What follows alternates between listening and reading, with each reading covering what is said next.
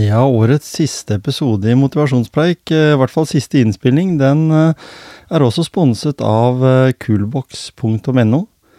Er en, en boks en, som du kan fylle vann i, som du kan ha med deg på hytta, ha stående på verandaen, hvor som helst. Og den har en restituerende effekt, og ikke minst stressreduserende.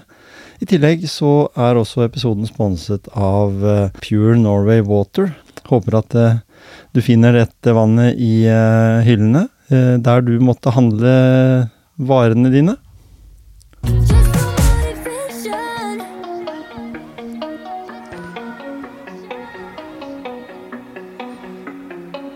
Denne episoden har jeg gledet meg lenge til.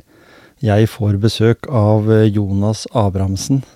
For alle dere som er litt interessert i sykkel, så har dere vel oppdaget at han har blitt eh, Norges nye yndling. Det har i hvert fall gjort at jeg har følt at det har vært gøy å se på Tour de France igjen. Eh, han eh, sykler for det som heter Uno X Pro Cycling Team, og kommer selvsagt fra Skien.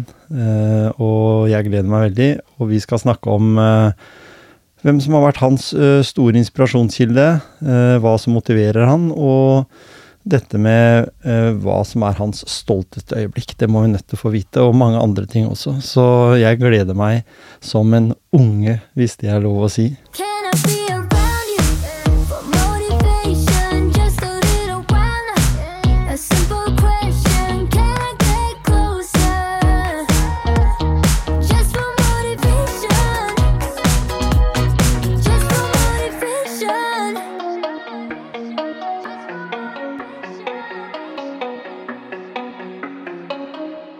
Velkommen til motivasjonspreik, Jonas Abrahamsen. Jo, tusen takk. Hyggelig å kunne komme. Det var på tide. Ja, det var det. 2023 har vært en uh, lang uh, og innholdsrik sesong for deg. Ja, det har vært en veldig innholdsrik sesong. Uh, som jeg har kanskje sagt før, så var det kanskje den mest vanskelige sesongen jeg har hatt i karrieren min, og den aller beste. Så mm. det har vært både nedturer og oppturer, uh, og som til slutt har endt med den beste sesongen min noensinne. Ikke så sant? det er gøy. Og det jeg har lyst til å spørre deg om, da, nå tar jeg disse tre spørs spørsmåla. Uh, uh, hvem som er din store inspirasjonskilde, skal vi snakke om. hva som motiverer deg ved syklinga, og, og dette med ditt stolteste øyeblikk. Og, men allikevel så må vi jo nødt til å ta litt av det som som sagt blei din spesiell sesong. Uh, fortell, men du skal få lov å fortelle litt om uh, uh, hvem eh, Jonas er. Du er 1995-modell. Mm. Oppvokst uh, i Skien. Ja. Oppvokst i Skien, kom fra Bratsberg. Mm. Uh, starta å spille på Storm. så det var egentlig sånn karrieren min starta, ja. som fotballspiller. Og så ble jeg skada og måtte bruke sykling som rehabilitering. Eh, og da fant jeg ut at eh, jeg hadde noe i sykling å gjøre, når jeg var med på litt forskjellige konkurranser og sånn. Og syntes det var gøyere og gøyere. Så da endte jeg som syklist til slutt. Så sånn endte det. ja. Men du, du, har jo ikke sykla for Storm eh, sykkelklubb? Nei, det har jeg ikke. Så... Fordi er, vi har vel bare én, egentlig en sykkelklubb i, i, Grenland som på en måte har mye fartstid òg. Ja. Bygd opp mange talenter, egentlig. Ja, altså jeg var utrolig heldig som kom inn i, i Grenland sykkelklubb i ung alder. Vi hadde et kjempebra miljø på, på den tiden, og det er vel nå også, eh, mm. som gjorde at eh, det gjorde det veldig lett da, for meg å utvikle meg som, eh, som sykkelrytter. Vi har mange gode kompiser og eh, bra nivå på trening. Så, og mange gode eh, trenere og folk rundt da, som har hjulpet deg å, å, å nå langt. Ja, ikke sant? Har du vært igjennom uh, toppidrettmodellen, uh, eller? Jeg gikk, annen, jeg gikk en litt annen vei siden ja. uh, Jeg starta å sykle litt sent, så da hadde jeg på en måte ikke mulighet til å søke på toppidrett. og da hadde jeg allerede søkt på elektro.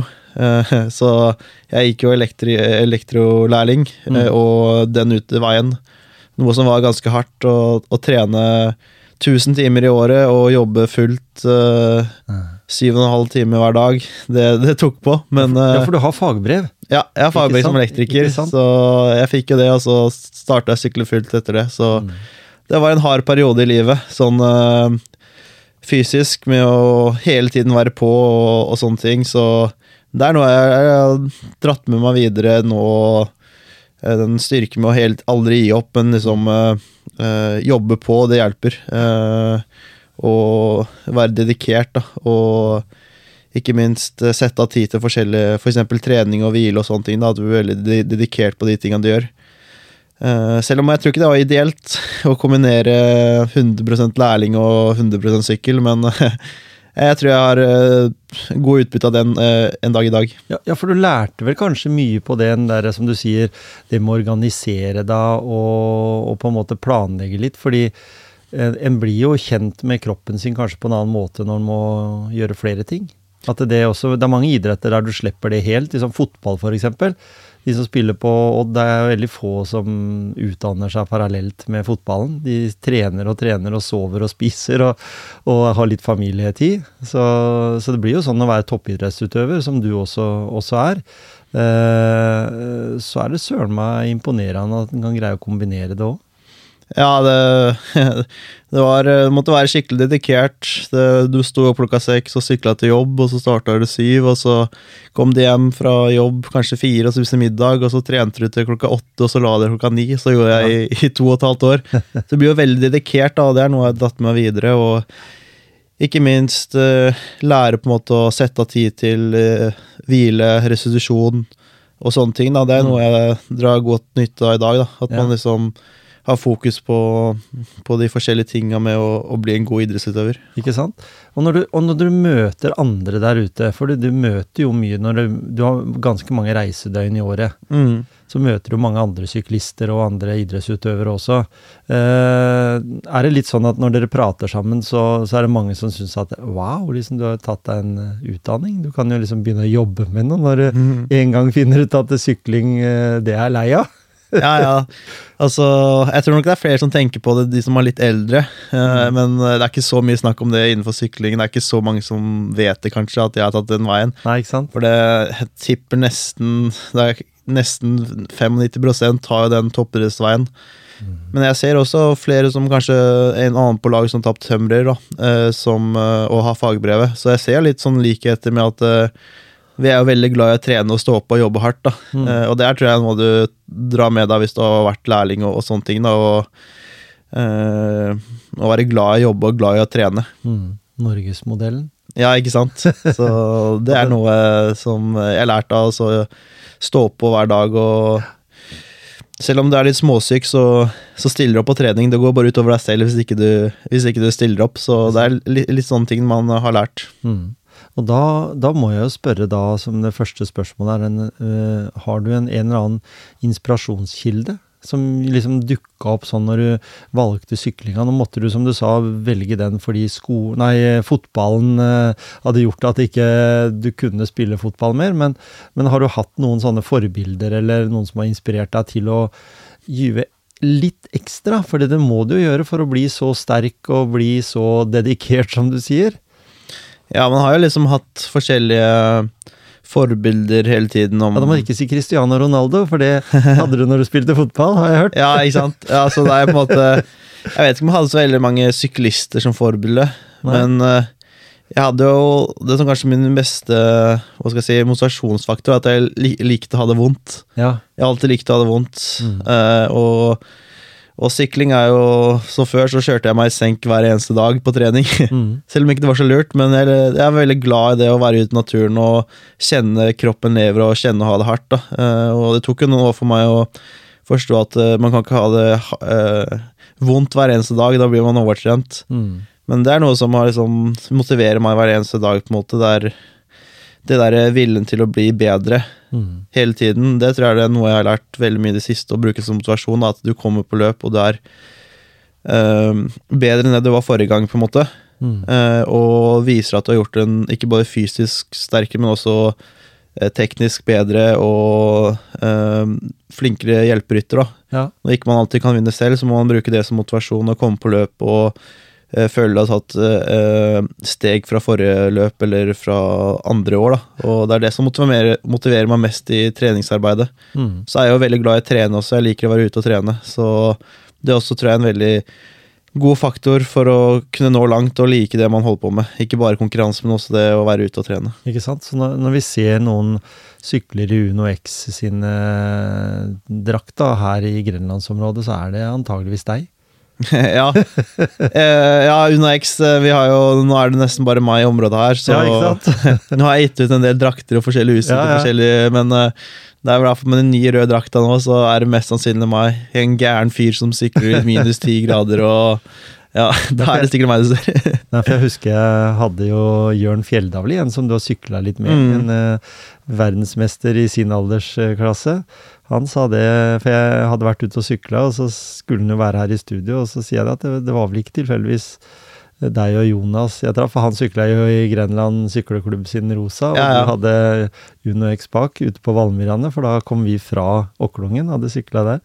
Jo, det var det. Det Passa med tida og alt, så da regner jeg med at det var dere som var ute på en liten eh, økt. Ja, ja, altså Jørn har faktisk hadde en stor, skal ha en stor ære av at jeg har nådd så langt. Jeg har lært veldig mye av han med trening, da, liksom å Uh, ikke gi deg, men Nei. stå på på hver treningsøkt. Møte opp hver treningsøkt og gjøre det beste ut av det. på en måte. Mm. Og den uh, staheten med å trene, være glad i å trene, har jeg lært veldig mye av Jørn. da. Mm. Ja, for jeg synes Når du sa det her, når du nevnte på at du sykla til jobb, og du sykla etter at du Det er akkurat samme modellen som han presenterte, for han driver et regnskapskontor mm. med ganske mange ansatte. Så han må jo da finne Han trener jo ikke på noen annen, annen måte enn sykkel, og, og, finne de der romma da, mm. til å kunne sette seg på sykkelen. Ikke sant. Så det handler jo om prioriteringer. Ja. Så, så, har man jo hatt veldig mange turer med Jørn oppimellom, og han, det som er gøy med Jørn også, selv om han begynner å bli eldre og eldre, så er han alltid nytenkende og er veldig nysgjerrig på å finne nytenkende og nyskapende ting innenfor sykling. Da. Så det er flere ganger jeg lærer ting av Jørn også, forskjellige apper eller utstyr som jeg burde prøve. Og så er det sånn motsatt med at jeg kom med tips til han som jeg har lært. Så vi drar veldig mye nytte av hverandre og bygger hverandre bedre på når vi er på turer og, og prater og sånn sammen. Så mm. det er veldig takknemlig for å ha hatt Jørn i karrieren min. Han har betydd mye. Og, har, og, du har betydd mye for han òg, vil jeg tro. Ekstra motivasjon. Mm. Hva er det som Når du har nevnt noe på det, men, men i, når vi er i et sånt eh, løp som La oss ta Tour de France. Eh, eller vi kan, ta, egentlig, vi kan ta det som skjedde i januar. Ja. Eh, bare halvt år før. Eller under det òg, til og med. Ja. Så var, hadde du litt uflaks. Ja. Jeg starta jo året med og på samling og skulle kjøre PS, noe vil si at man kjører bak bilen for å få mindre luftmotstand. Mm. Eh, og så gikk kjedet mitt av foran når jeg skulle spurte. Og da har man null moment i sykkelen, og da går ja. man rett over styret. Så jeg gikk vel rett over styret i 60-70 km i timen og rett i et gjerde og tilbake i asfalten. Det så blodig ut, de bildene jeg så. Ja, det var vel blod der et par dager etterpå i asfalten der, og ja. husker jo ingenting av det som skjedde før jeg kom på sykehuset og, og sånne ting, da. Heldigvis så brakk jeg ingenting. Jeg var veldig heldig å komme uh, derifra med litt lettere hjernerystelse. Mm. Så da starta egentlig sesongen uh, som planlagt, egentlig, selv om jeg mista litt trening der. Og så var jeg enda mer uflaks en måned etterpå, da jeg uh, fikk kyssesyke. og da tenkte jeg nå ryker Tour de France 100% der. Og da fikk jeg to uker så å si helt uten trening, noe jeg ikke har hatt siden før jeg starta sykkelen da jeg var 15 år. Ikke sant? Men det ga en skikkelig boost, da. Så jeg lærte det å og hvor viktig den hvilebiten er. da. Mm. Eh, ikke bare at beina får hvile, men også alle organer og alle, alle, ting, kjemiske ting som skjer i kroppen, de også trenger hvile. Ikke mm. bare bein og hode, men veldig mye sånn hvis du tillater deg noen ganger å ta helt hvile. Så fikk jeg en kjempeboost av det, og kom i Tour de France i mitt livs form. Og ingen hadde trodd jeg skulle komme i Tour de France. Uh, jeg, når jeg så på de bøkene med sånn uh, klistremerker. Du kan klistre inn uh, sånn pocketbok, på en måte. Før Tour de France så var jeg ikke en av de ti eller tolv rytterne som var der. Uh, så det sier ganske mye at jeg var i kjempegod form for å komme med det Tour de France-laget. Så jeg var utrolig heldig som kom i Tour de France i min livsform der. Ja, ikke sant? Når den da er i et sånt løp Du, du nevnte litt på dette her med at det, det, er, det, er, jo det er jo som å være i OL og VM og alt på en gang, liksom, fordi det er så svært. Det er, en, eh, er noe, er et av de største idrettsarrangementene vi har i verden. det er vel bare VM i fotball eller noe sånt som er større. Åssen var det liksom å være For hele laget, da, hvis en sier det. For, for, dere kom jo ned der som et eh, egentlig fra før amatørlag, og så var det blitt et profflag på, på, forholdsvis kort tid. Fikk være med der som sånn eh, underdogs, egentlig. Og, og, jeg må jo si at eh, jeg så jo røde og gule utøvere, syklister, hele tida. Dere var overalt. Hvordan var det? å komme, Den følelsen, kan du si noe om det? Altså, hvordan følelsen var å komme på podiet der og se den stemninga og se disse her utøverne som hadde vunnet Toren før, og det var jo mye stor ståhei, vil jeg tro. Ja, det var jo Når vi først kom der, så Vi starta jo Bilbao i år, i Spania. Og det var jo helt sinnssykt mye folk. Jeg forventa det var mye folk i Tour de France, men så mange folk, det hadde jeg ikke trodd. Nei. Og det var jo sånn egentlig hele Tour de France eh, opp de, de siste tre-fire bakkene før mål, så var det sånn lukt av øleim ja. de siste fire kilometerne opp hver eneste bakke, og folk var klin gærne. Og mange folk før start og etter mål. Det var helt fullstendig kaos. Du måtte ha folk rundt deg hele tiden. Så det var en utrolig opplevelse eh, å få være med i Tour de France. Og ikke med oss én ting, som du sier, er at vi kom til Tour de France som et underdog, men og kanskje ikke man kunne forvente så mye av oss, men så ender vi opp med to- tredjeplasser, mm. og jeg, jeg, ender opp med en tredjeplass selv. Og så er vi faktisk med å dominere eh, flere etapper. Mm. Får masse skryt av mange andre, både ryttere og sportsdirektører fra andre lag, at vi var med å skape Tour de France, og det er jo sinnssykt gøy. Som første gang laget er med i Tour de France, og at vi kan eh, vise oss fram på den måten vi gjorde, da. Mm. Og det tror jeg absolutt er positivt for uh, at vi får være med eventuelt Eh, neste år også. At det viste oss så bra frem, da. Mm. Eh, og hadde noe der å gjøre, rett og slett. Og det tror jeg var viktig for hele lagets eh, motivasjon, da. Mm. Og én ting var liksom at vi hadde bra ryttere, men det var jo ikke mange lag som kom med åtte ryttere igjen på Champs-Élysées. Det var vel kanskje rundt åtte-ni lag. Eh, og det viser at det støtteapparater og de tinga som er blitt gjort i forkant og underveis, har vært veldig profesjonelt da, mm. eh, av støtteapparat og, og, ting i planleggingsfasen. Eh, og det er veldig gøy å vise, se at vi også har noe der å gjøre. For det er et mm. stort apparat. Vi har sikkert mange, mange ansatte både med, som kokker, ernæringsfysiologer, mentaltrener, eh, sognører som fikser flasker og masserer, og mekanikere og leger og alt mulig. Er, og folk som kjører rundt for å for å transportere kofferten vår og aircondition på rommet og, og, sånne ting. Så det er mange folk som er i spill, og mm. det er en grunn til at vi gjør det så bra at vi har et godt støtteapparat rundt. Ja, ikke sant. Det, for det har mye å si, men allikevel så var det en av disse sjefene på laget der som sa at det, det, ikke, det holder ikke bare å ha den kuleste bussen heller. Nei. Men du må ha det innholdet også må til ja. for, for, å på en måte bli populære, da, for dere blei jo et sånn Dere blei noen ynglinger i hele for, for, veldig mange. Jeg hørte jo kommentatorer fra andre nasjoner og fra andre kanaler også som var utrolig imponert. Og jeg får jo fortsatt så får jeg jo Nå husker jeg ikke akkurat hvilken eh, etappe det var. Jeg mener det var veldig tidlig, var det For du fikk jo tredjeplassen i åttende etappe. 18. 18, 18 ja. ja. Eh, men eh, allikevel, en av de tidlige løpa så, så, var det et eller annet Du hadde jo arbeidsoppgave å trekke opp eh, Alexander og, og Søren. Mm.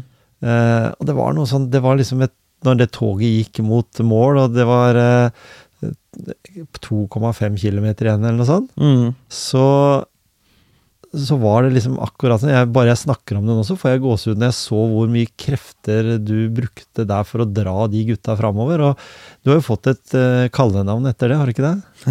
jo, det er jo Grenlandsplogen. ja. Så Og det var vel eh, Dag Otto eller noen av de som begynte å snakke om, var det ikke det? For det, du har et annet navn nå? Abra eller noe? Ja, Abra, ja. ja. Så det startet litt grann, med Tobias Johansen, han som også fikk en treplass i Tour de France. Ja. Etter Tour of Norway i fjor, ja. Eh, så dro jeg på feltet eh, veldig mye Tour of Norway. Da fikk jeg det navnet av, av Tobias der etter mål, og etter det så har liksom det blitt mer og mer brukt. Ja, så det er gøy å få et sånn kallenavn. Ja, for, var, for det var noe med den derre kjøringa der, og jeg nevnte for en kompis av meg, for, for vi har på en måte Vi har jo sett Tour de France mye, men de siste åra har det vært kjedelig å se eh, vært ålreit å se starten og mål. Men det imellom har liksom ikke vært noe. Nei. Fordi det har ikke vært Enten så vant uh, Alex uh, spurten, eller så var det Thor før det, og så var det Evald som kunne greie det, men det var ikke så sannsynlig, egentlig. Så, så, så, var, så tenkte jeg liksom, der, der så vi den derre At de, det var nesten som at de hang fast i sykkelen din med tau. Mm. Det var sånn. Og så det, det nådde ikke helt fram bestandig, for det var liksom kanskje en av de som ikke hadde den aller siste pedaltråkket da, som de trengte for å, for å på en måte vinne. Ja. Det var jo veldig nært det å være blant de ti beste i mål i Tour de France er jo sinnssykt, for de ti der er jo de beste i verden. Ja, det er det som er i Tour de France, og det er sånn Det går jo vanvittig fort, fordi alle er i sitt livsform. Det er Ja. det viktigste løpet i løpet av året. Ikke Eh, sant? og ha noe der å gjøre, da. Eh, altså For min del så er det sånn kapasiteten er liksom blant de aller, aller beste på det når jobben på slutten. For min del handler det mer om eh, sånn tekniske ting, da. Eh, at eh, du må passe på at du har folk bak, og, og sånne ting, da. Um, og de ble jo bedre og bedre i løpet av Tour de France, og det var ikke mange løpa før jeg fikk den siste oppgaven, eller tredje siste opptrekksfasen bak eh, Søren, så det tar litt tid før man får til et sånt opptrekk, og nesten ingen får det til perfekt, så men jo mer trening man får uh, sammen, da. Ja. Så vi fikk jo det bedre og bedre til i Tour de France, så man må også jobbe med de tinga. Jeg tror, bare, jeg tror bare jeg har sett Sky være så dyktige tidligere, men det, og det er jo en stund siden. De hadde liksom et sånn skikkelig bankerslag som, som lå alltid der framme med, med flere ryttere. Mm. Tredjeplass eh, det, det har du jo fordøyd nå, ikke sant. Det jo, du har jo vært i mange løp etter det, Ja. eller mange ritt. Men den treplassen der, den jeg kikka på masse videoer og alt, og eh, hvis du hadde vært i samme situasjon eh, 500 meter før mål, sånn som det var der, ville du gjort noe annerledes i dag? Hvis du hadde kunnet gjort det om igjen? For du var jo, Eh. du var, du var, du var jo så nære at eh, Altså, det, nå var jo riktignok han som vant, han var en av de kanskje de beste i hele tornet i år. Altså i hvert fall Mm. i spurtinga og sånn. Men, men hva, hva, hva ville du gjort annerledes? De siste 500 meterne så føler jeg gjorde det jeg kunne riktig. Ja. Um, siden Det handler litt mer om det før, da. Mm. Og da, den siste timen så ligger jeg bak Camponarts, som er det mest aerodynamiske feltet som tar minst vind. Og jeg prøvde å bytte ved å komme bak Askeren, for han er mye lettere å ligge bak han, men da bytta de internt bak, Ja. for de kjente hverandre. Og han andre var lagkompis, så jeg fikk det mye tyngre fram til spurten. ja. Eh, og så kunne jeg prøvd å slått ut eh, på en kilometer. Eh, og bare og ikke havne bak Camponart, som dro den siste kilometeren før mål. Eh, men risikoen da er at ingen tar hjul. ja. Og så ender jeg egentlig opp med å få ingenting. Nei, ikke sant? Eh, for det er sånn gyllen regel at jeg har den posisjonen du har der, så er det sånn, da holder du på en måte. Ja. Så det er sånn Jeg tror eh, Jeg føler det var vanskelig Jeg var litt irritert med meg selv etter mål. eh, med at eh, jeg evnte bak kampen der så den siste timen. Jeg tror det er det som gjorde ut forskjellen. Og hvis jeg hadde havna litt annerledes Hvis jeg hadde kjent de gutta bedre, for de, de kjenner hverandre og de, Mm. de gjør det enklere for seg selv. da Så jeg prøvde å gjøre det, men det er litt med at den, eh, de to er jo verdensklasseryttere og kjempekjent i, i sykling. Eh, og da får man litt mer sånn respekt, og man kan gjøre litt mer, mer, mer hva man vil, på en måte. Mm. Så hva skal jeg si, jeg prøvde å gjøre det litt annerledes, og jeg vet ikke helt om jeg kunne gjort så veldig mye mer. Eh, jeg, han, jeg kunne kanskje slått han eh, Pascal Enkorn til ble nummer to, men som Kasper Askren, han hvis han hadde vært i eh, den posisjonen jeg var i da, eh, den siste timen, så tror jeg jeg kunne slått han, kanskje. Ja. Eh, men sånn det endte nå, så var det egentlig umulig å slå han. Han er en av verdens beste på, Det det på en sånn spurt på å få Når det er så få ryttere igjen. Ja. Han slår Van der Poel blant annet i Flandern rundt, så Mm. Eh, man må jo se på liksom de som er rundt også. Hadde det vært ikke de rytterne, så hadde det vært mulighet til å, Mm.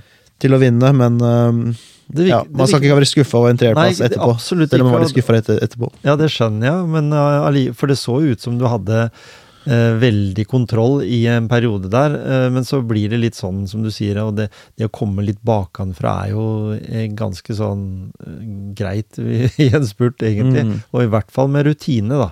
Jeg mm. tenker at har vært, De har vært i den situasjonen mange ganger. Du hadde jo ikke vært der noen gang i hele ditt liv. I en sånt stort arrangement som det der. Så det for deg var det sånn first time? ja, ikke sant. Akkurat det, de gutta der har vært i den posisjonen eh, sikkert sju ganger før. Ja, ikke sant? Jeg har ikke vært i den posisjonen før, så man må ta step by step. Ja. Og jo sterkere og jo større navn man får, jo lettere blir det for deg selv også. Ja. Så man må jo ta gradene litt. Eh, og samtidig så er det kanskje Kanskje det er bra å få en treplass, for da motiverer det ekstra mye for å vinne neste gang. Ja. Så man må bruke det for motivasjon for uh, ja. det som skjer uh, neste år igjen. Og, og en, som, en, som, ikke er så ukjent med sykling, Tor Hushovd, sa at det var en bragd. Det var en stor prestasjon å, å komme opp og ta den uh, treplassen der. Ja. Det er greit å få sånne tilbakemeldinger fra en forholdsvis anerkjent syklist. Ja, det er kjempegøy, det. Så det er veldig gøy. Og måten du gjorde det på å utkonkurrere feltet bak også. Det var vel ikke noen andre tapper i Tour de France som greide det, egentlig. Nei, ikke sant? Da var det ofte så går brudd, og da er egentlig ikke noen som vil kjøre det inn, for det sammenlagtrytteren ligger bak. Men nå hadde man et jagende felt som hadde lyst til å spurte bak, så det viser meg at vi var såpass sterke og greide å utkonkurrere feltet bak. Så jeg tror man fikk veldig mye Jeg fikk mye respekt av mm. flere folk som begynte å si navnet ditt etterpå, ja, visste hvem det var, da. Så det er jo det er veldig gøy, og sikkert bra for deg selv også, med tanke på eh, løp senere også, at eh, du får litt mer respekt. Ja, og det, og det virker sånn, eh, for en, i hvert fall en TV-titter, da, så virker det sånn som at dere får eh, litt god kontakt. Dere, blir, dere treffer jo hverandre på mange løp rundt i hele Europa gjennom en hel sesong. Eh, blir det litt sånn på hils og litt sånn prate litt og slår av en prat og hva har gjort den siste tida? Blir det sånn, eller blir det veldig profesjonelt og bruker tid bare på seg selv? Nei, det blir litt sånn. Eh, jo, jo mer det er på sykkelløp, jo, jo mer blir du kjent med folk, og da tar man ofte en prat med spesielt andre norske proffer, men også andre hvis du møter på de. Ja, ja. Så det er veldig gøy å få, få andre andre venner også i feltet, ikke bare norske, men også utenlandske. Ja, for jeg tenker på jeg mener jeg leste den gang at det var bare tilfeldigheter som gjorde at han som han med navnebroren din, som har gjort det ganske bra i mm. Toren, at han like gjerne kunne havna hos dere i laget, på laget deres. Ja, det er ikke langt unna. Han, eh, jeg sykla med han for eh, for eh, hva skal jeg si sikkert fire år siden, med, da han sykla på et dansk kontinentallag. Mm. Eh, så det er utrolig å se åssen steg han har tatt. Ja. Uh, og vi var litt like ryttere før, og så nå har jeg blitt litt annen type rytter, så det er jo kjempegøy. Plutselig han havna under X, men uh, han har tatt skikkelig store steg og er jo den, per dags dato den beste Grand Tour-rytteren vi har i verden. Ikke sant? Men du har jo, som du sier sjøl, endra litt sånn Du er en annen type sykkelrytter nå. Syns du det er mer ålreit enn du, du, hadde, du var en sånn 60 kilos eh, Ikke så mye muskler, kanskje, hvis en sier det. At for, så la du på deg 20 kilo med muskler. Ja. Kan du si det sånn? ja, du kan si det sånn. Så jeg, for helt ærlig så hadde jeg nok en kropp som eh, burde veid mer, med tanke på at jeg kan produsere så mye muskelmasse. da. Uh -huh. Så da fikk jeg ikke ut mine beste kvaliteter med eh, når jeg veide 60 kilo. Så jeg merker nå at uh, kroppen min presterer mye bedre på å veie 20 kilo mer. Ja. Og fettprosenten er ikke så Jeg tok fettprosenten nå i Tour de France, og da var den mindre enn når jeg veide rundt 60. Så det viser hvor mye mer muskler jeg har fått, og det tror jeg var ganske fascinerende fra ernæringsfysiologens side. At det er, ikke mange som går opp så mye bare i muskelmasse. Eh, og sykler fortere. Så det er ofte normalt å gå den andre veien og mm. gå ned, men jeg har fått en kjempegod god utnyttelse av å, eh, å veie litt mer. Og ja. du er mye mer fleksibel. da. Du kan, Hvis det er 60 kilo, så må du egentlig bare ha fokus på, på klatring. Nå kan man være en god hjelperytter. Og den posisjonskampen er utrolig viktig å ha det trøkket som skal få rytteren i god posisjon. Uh, og da har man mye mer fordel også i en spurt. Og man, jeg sykler nesten like fort oppover nå som jeg gjorde når jeg var 60 kilo, så jeg har fått en skikkelig god, god boost av det. Jeg føler jeg får egentlig boost hvert år også. Uh, for det var litt sånn, jeg veide 60 kilo, så tror jeg kroppen gikk i dvale i fem år, og så plutselig når jeg var i en alder av 25-26, så vokste jeg 6 cm. Og kroppen kom i puberteten og sånne ting, så det er sånn Jeg tror det var veldig viktig for meg å ta den avgjørelsen og gå opp 20 kg, selv om ikke det var så lett, siden mm. du vet når du går opp 20 kg, så blir det tyngre i bakken i starten, men uh, når det har gått noen år, så har jeg liksom bygd på det på den vekta jeg har nå over mange år, og jeg føler jeg har fått skikkelig god, god utbytte av det. Ja, for det har jeg tenkt på. Har det kanskje vært bra det at du var nede en vektklasse og gikk opp? Enn hvis du skulle gått andre veien. For da blir det Det er veldig mange som detter av den andre veien, fordi du har liksom, kroppen har tilpassa seg å være 80, da, og så får du beskjed om at jeg tror du er bedre hvis du hadde i bakker og sånn, hvis du hadde tatt av 15 kilo, da. Mm. Så måtte du jo tære både på muskulatur og andre ting også, som, som kanskje ville på en måte uh, satt deg tilbake litt. Fordi det er som du sier, dette her med å restitusjon Det er klart, mer, mer muskelmasse, så må den restituere mer, men du blir også mye mer, mer, kjent med kroppen din, kanskje? Ja, det er mye mer risikabelt å gå ned i vekt. Ja. det er mye fortere ting som kan skje bare på vitaminmangel, eh, energinivå. Så det er mye høyere nå enn det det var før. Eh, og så er det mye lettere å holde en stabil vekt. Mm. Du har ikke sugen på ting hele tiden. Nå kan jeg nå kan jeg spise mer normalt, på en måte, og kroppen stabiliserer sin egen vekt mm. når jeg trener og, sånne ting. Men før så måtte jeg alltid passe på å ikke spise for mye for å veie 60 kg for å sykle fort oppover.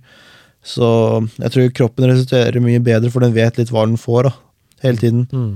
Og den, den, liker seg bedre på rundt 80 kg enn en 60 kg. Ja. Uh, så, I tillegg så kommer det litt an på hvordan person du er, og det tror jeg er viktig for sånn unge utøvere å vite også, at uh, er du en person som kan produsere mye laktat, og som kan produsere mye muskelmasse, så kan det være fordelen for deg å veie mer kontra en annen syklist eller en annen idrettsutøver som er naturlig tynn og ikke har så mye muskelmasse og har andre egenskaper, da. Men at du finner din egen vei og, og, velger det som passer deg, eller passer deg best mulig. Ikke være en annen idrettsutøver som du egentlig ikke er. Nei, ikke sant?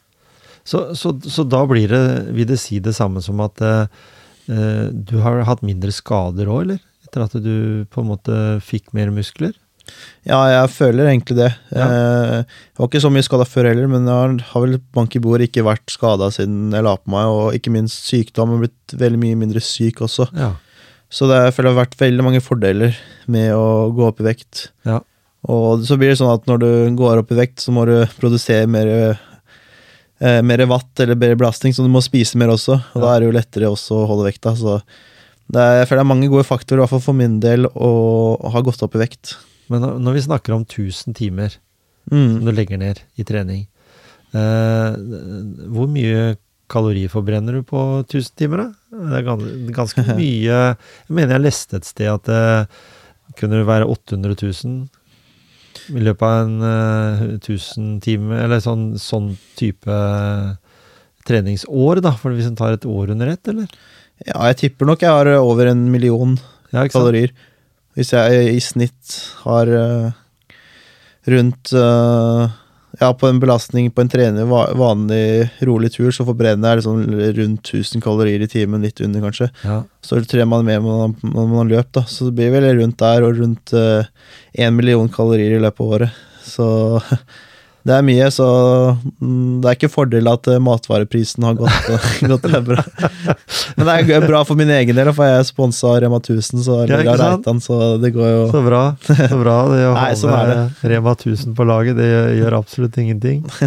Uh, når vi er inne på dette her med å snakke om dette her, er det, er det mulig å si nå, liksom? For de har jo sykla andre løp også, men det stolteste øyeblikket ditt så langt i karrieren? Kan du si noe om det? Ja, det er vel den tredjeplassen i Tour de France som, eh, som, er det største jeg noen gang har gjort. Ja. Så det var gøy, det, å, liksom, å føle at man har tatt et steg videre i karrieren sin. Um, det er veldig gøy, da. Og, men, men, var det sånn at Nå var det jo ganske langt ut i tornen, men allikevel, da, men allikevel så hadde jo Eh, dere gjort dere bemerka under, eh, under, eh, de etappene som hadde vært. Men kom det mange sånne mikrofoner opp i etter målgang da? Fordi du var jo et ganske ukjent blad, egentlig, hvis, fordi i hvert fall de som er opptatt av hvem som kommer først over streken i, i målområdet?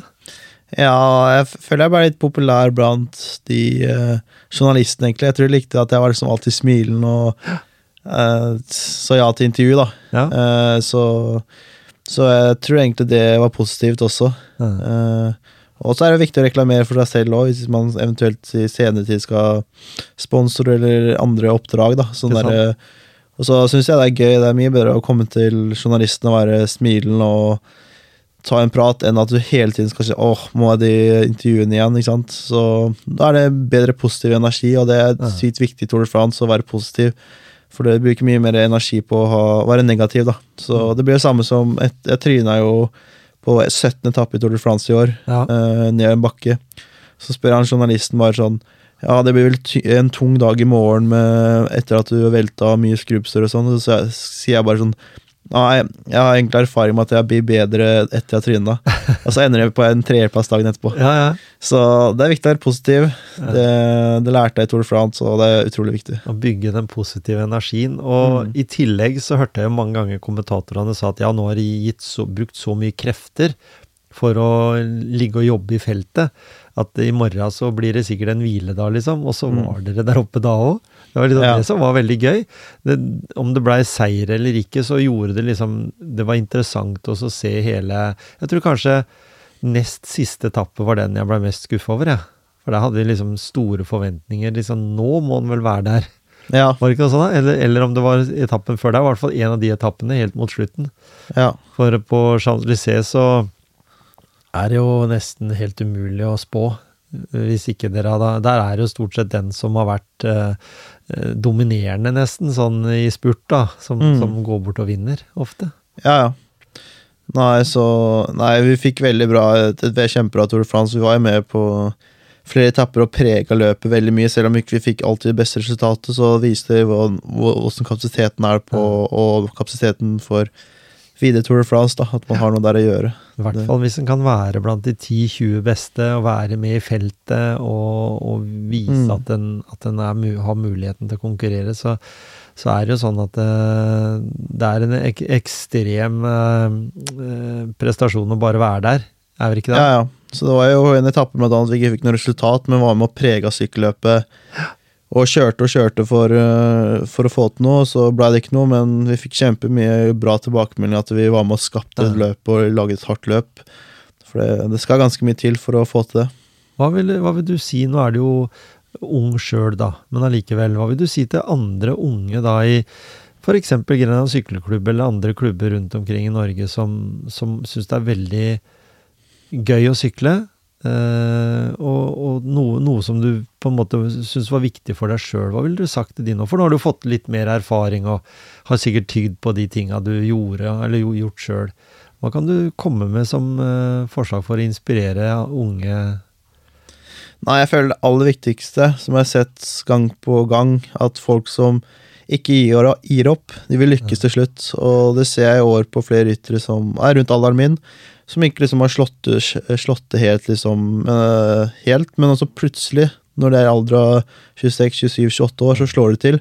Fordi de har møtt opp på hver treningsøkt fra de var unge, og stått på, selv om de har hatt dårlige resultater, så har de ikke gitt seg.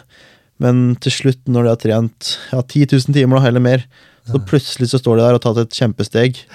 Uh, og kan være med i Tour de France og prege uh, Komme på pallen i Tour de France. Så jeg føler det å ikke gi opp, for hvis du gir opp, så er du allerede tapt. Så ja. du må liksom hele tiden møte opp på treningsøkten og gjennomføre det treneren sier, eller eh, med god kvalitet. Hvis du gjør det nok ganger, så vil du lykkes til slutt. Ja, For nå er det jo sånn for deg, da, at eh, du vet hvor mye du har trent, og du har fått de resultatene du har fått. Og utrolig bra å gi sånne ting tilbake, for jeg også vet jo det at trening har utrolig mye å si, og det å stå på. Eh, har det hatt noe for deg å si nå når du er i, i det profesjonelle der med utstyr? Ja, utstyr er jo er veldig viktig. Så vi er veldig fokus på det på lag med å hele tiden tenke nytenkende og være på no, nivå på de aller beste, og kanskje enda bedre også på ting. Ja. Og spesielt ernæring har jeg lært utrolig mye de siste åra. Vi har fått en veldig god sånn ernæringsfysiolog, eh, James, som annet hjelper Johannes Høst på Klæbo også nå. Ja. Og etter vi fikk inn han, så har jeg gjort masse revolusjonerende ting med å spise utrolig mye. Ja. Både underveis og før trening og etter trening. Være veldig viktig på ernæring og fueling. Det er så utrolig viktig. Og da er jeg veldig mye flinkere på konkurranse også. Og spise nok. Før så spiste, nå spiser jeg kanskje dobbelt så mye underveis, om ikke mer, enn det jeg gjorde før. Og det gjenspeiler de siste timene på løp. Du har mye mer energi. Ja. Og det er også på trening også. Være kjempeflink til å fuele med sukker. Det har jeg gjort, eh, gjort meg en mye bedre rytter, faktisk. Så du, så du går sjeldnere tom? Ja, Før så var det sånn at du gikk nesten tom på alle langturer, men Ja. det tar mye mer energi å gå tom på turer. ja.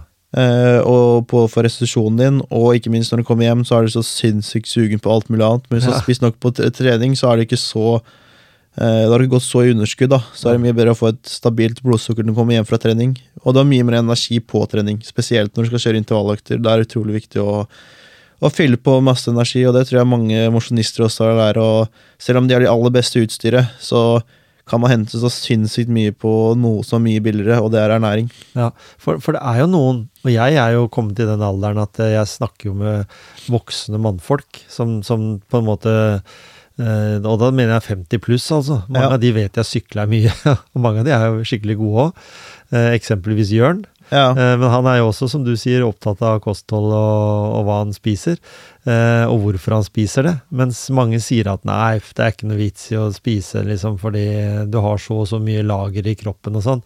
Jeg har jo egentlig sjøl funnet ut at det er bare bullshit, egentlig. For det, det er veldig godt å ha god energi. Jeg kjørte noe sånn fasteopplegg, og så skulle jeg ut og så sykle en tur. Jeg har mye fatbiken oppe i fritidsparken og sånn. Jeg gikk jo tom etter en time. Så, Ja. så det å kombinasjonen av faste og, og tro at du har mer krefter, det, er, det funker. Altså, jeg har med blodsukker og sånn å gjøre, til og med også på eldre menn, da. Jeg Mm. tenker det. Så, så jeg vil absolutt eh, tommelen opp for det du sier der med, med kosthold. Og, og riktig kosthold også. At en, at en får i seg de rette tinga til rett tid. Mm. Når du sier det her med Klæbo, da. Dere er vel på samme lag, egentlig? Er det ikke det? Jo, det blir jo litt sånn Ja. type Han er sponsa Una X. Ja, så han også tror jeg har hatt veldig god eh, utbytte av å bruke James da, Ja, som, ikke eh, med ernæring, for det, det er så utrolig viktig. Mye viktigere enn eh, å spare en halv kilo og kilo på en sykkel. Så, mm, og mye billigere. Ja. Så eh, der har jeg jo lært kjempemye. ja. Og det er jo prestasjoner en blir målt på, er det ikke det?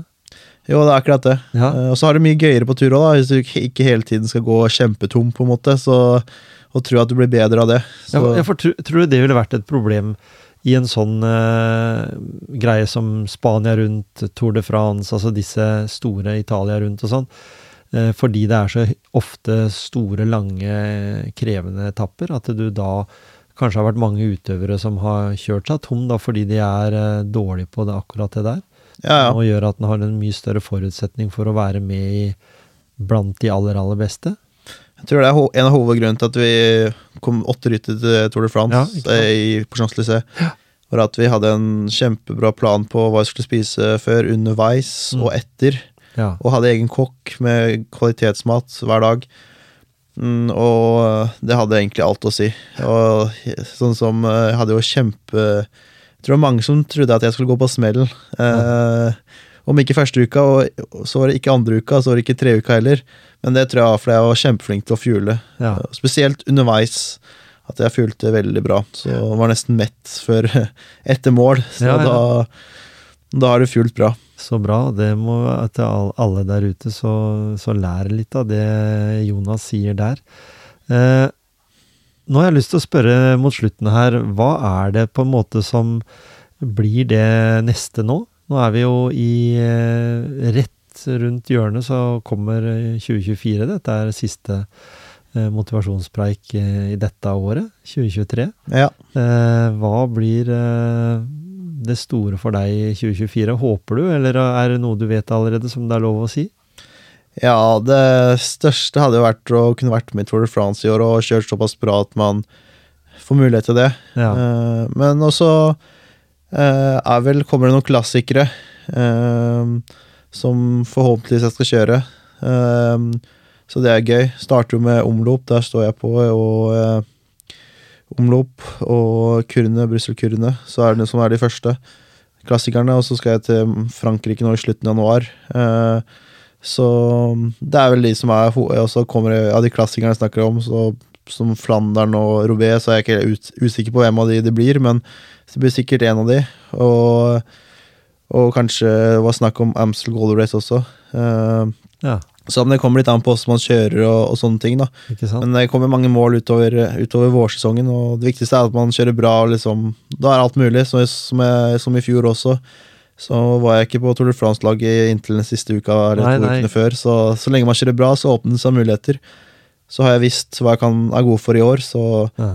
Bruke det som motivasjon. At jeg har noe i sykling å gjøre og eh, har trua på meg selv. Det tror jeg blir viktig og mange, mange, unge syklister der ute som eh, har, har, fått deg som forbilde allerede. Både her i Grenland og, og, og, og, kanskje i store deler av verden, som ser at det nytter. Ja, ja, så det er jo flere på, fra Italia og forskjellige nasjoner som tar kontakt, så det er jo veldig hyggelig, det. Så ja det viser at man har gjort seg bemerka. Så det er gøy å være forbilde òg. Det er absolutt. Og, og, når vi sier det, da, treningsarbeid nå, når er det det går ut av Eller når reiser dere fra Norge for å trene under litt andre forhold? For dere trener vel litt i Spania og litt andre steder òg, kanskje? Ja, vi var i Alicante nå i starten av desember og i ti dager, og så drar jeg 7. januar til Gran Canaria ja. med noen kompiser. Det er mange lagkompiser som skal ned der. Ja. Var der i to uker, trener bra, og så starter sesongen i Frankrike i slutten av januar. Mm. Så etter det så er det jo fullt kjør fram til oktober igjen, så Hvor mange reisedøgn blir det sånn cirka i løpet av et år? Nå har du fått erfart i hvert fall hele 2023? Ja, det er vel fort vekk uh, eh, 170-180, så det er mange reisedøgn. Så heldigvis er vi en kjempebra gjeng på tur, så det er en av grunnene til at jeg valgte å forlenge med laget med Una X. At vi har kjempebra på tur og mange bra folk, så det er alltid gøy å dra på tur. Og så er det alltid deilig å komme hjem til Bratsberg òg. Ja, det er noe med det. Det er alltid gøy og bra å komme hjem til Skien. Det er jo fantastisk å trene her i, i Telemark. Jeg føler kanskje det er det beste stedet i Norge, så det er litt inhabil. Men jeg elsker å trene i, i, Telemark. Det er jo kjempe, kjempetreningsfasiliteter eh, og mange veivalg. Har jeg lov å spørre hvor favorittløypa går? Hvis det er noe sånn at som var, liksom, For Jørn husker jeg sa det til meg, at, eh, at han hadde jo trena mange steder i hele verden, han òg. Og han syntes jo det å komme hit og trene, det var noe av det beste, liksom. For det var jo både Det var utfordringer overalt.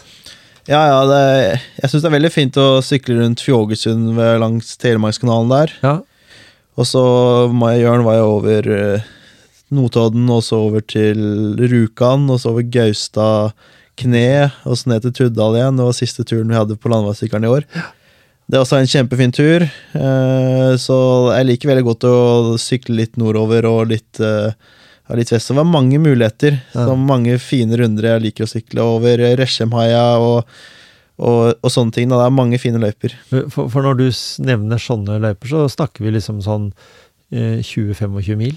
Ja, i hvert fall på sånn som 25 mil er jo sikkert den over Gaustad der. Ikke sant? Så det er jo lenger. Det er ikke ofte du har sånne turer, men sånn over, forbi Notodden og over, over Resjem og over til Bø er rundt fem timer. Ja. Og så har jeg noen fine runder. Det er veldig fint du skal ha en times tur og sykle oppover mot golfbanen, og så ned til Børsesjø, og så opp til uh, Skifjell der, og så ned over Gjerpensdalen og over høyda igjen. Det er en ja, ja. veldig fin det er vel favorittrunden min på rundt en time. Så. Har jeg lov å si hvem som jeg syns ja. er min favoritt, da? For jeg er sånn på det som du sier der, har en time halvannen liksom til rådighet. Så vi sykler herfra, og så sykler vi over Menstadbrua, oppover ja. Eh, på høyda, og så ned, eh, ned eh, i dalen, holdt på å si Gjerpensdalen. Opp den grønnere bakken. Ja. Den er jo lang og seig og fin, den for uh, alle. Sikkert mm. du spretter bare opp der i 25 km i timen, men uh, opp den bakken der, og så ned igjen, og så opp til uh, golfbanen, som du sier. Og så mm. runda rundt der oppe, og så ned og hjem. da. Det er en fin Jeg mener det er sånn 4,5 mil, eller noe sånt. Ja. Fem ja, ja. mil oppimot rundt der. Hvis vi legger på Hyniveien på veien hjem, og så Elstrømbrua, og så har jeg en kompis som jeg sykla med, og, og, det må jeg jo nå si. Øh, for dere som vet at den gamle gubba kan også legge inn litt sånn og prøve å konkurrere mot hverandre. Så vi har alltid en sånn spurt på slutten, siden vi bor her vi bor. Og det er fra Saga matsenter og ned til Rema 1000. så, da ble det, så da ble det to reklamer her. Spesielt den siste, Rema 1000. Den er jo grei å ja. nevne for deg, da, siden dere samarbeider med de. Men det er fin strekning for oss gamle gutta. Da er vi slitne når vi kommer ned i Gjemsekrysset. Ja, ja. Da skal jeg prøve meg på det Strava-segmentet når det er uh, god medvind. Ja, ikke sant? Nei, men det, det høres ut som en fin runde. Det er jo mange av de veiene som jeg også likte på den runden min, så ja. det er veldig fint. Mange fine runder her i, i i lokalt i Skien også. Ja, ikke sant? Og så er jeg heldig sånn Per som jeg sykler med, han jobber i ingeniørvesenet i Skien kommune og maser hele tida på de som har med vei å gjøre. At det, må få vekk noe, de er masse sånn sprekker i asfalten. Ja, det er reparer, bra. reparer, reparer. Så vi får håpe nå at eh, Og da jeg, kan jeg jo si at eh, Jonas Abrahamsen har også sagt til dere som lytter på podkasten, og som kan ha med disse veiene våre å gjøre, at det gjør noe med kommunal vei. Det er viktig, og det har jeg snakka med Harald om også i sykkelklubben, eller ja. tidligere syklist, at det er viktig å gjøre det, for de må ta vare på de som har lyst til å sykle. Det er veldig viktig. Det er en kjempefin idrett for både sosialt og mm. mange som ikke finner ut av det før de er 30-40 år men, eh, og eldre.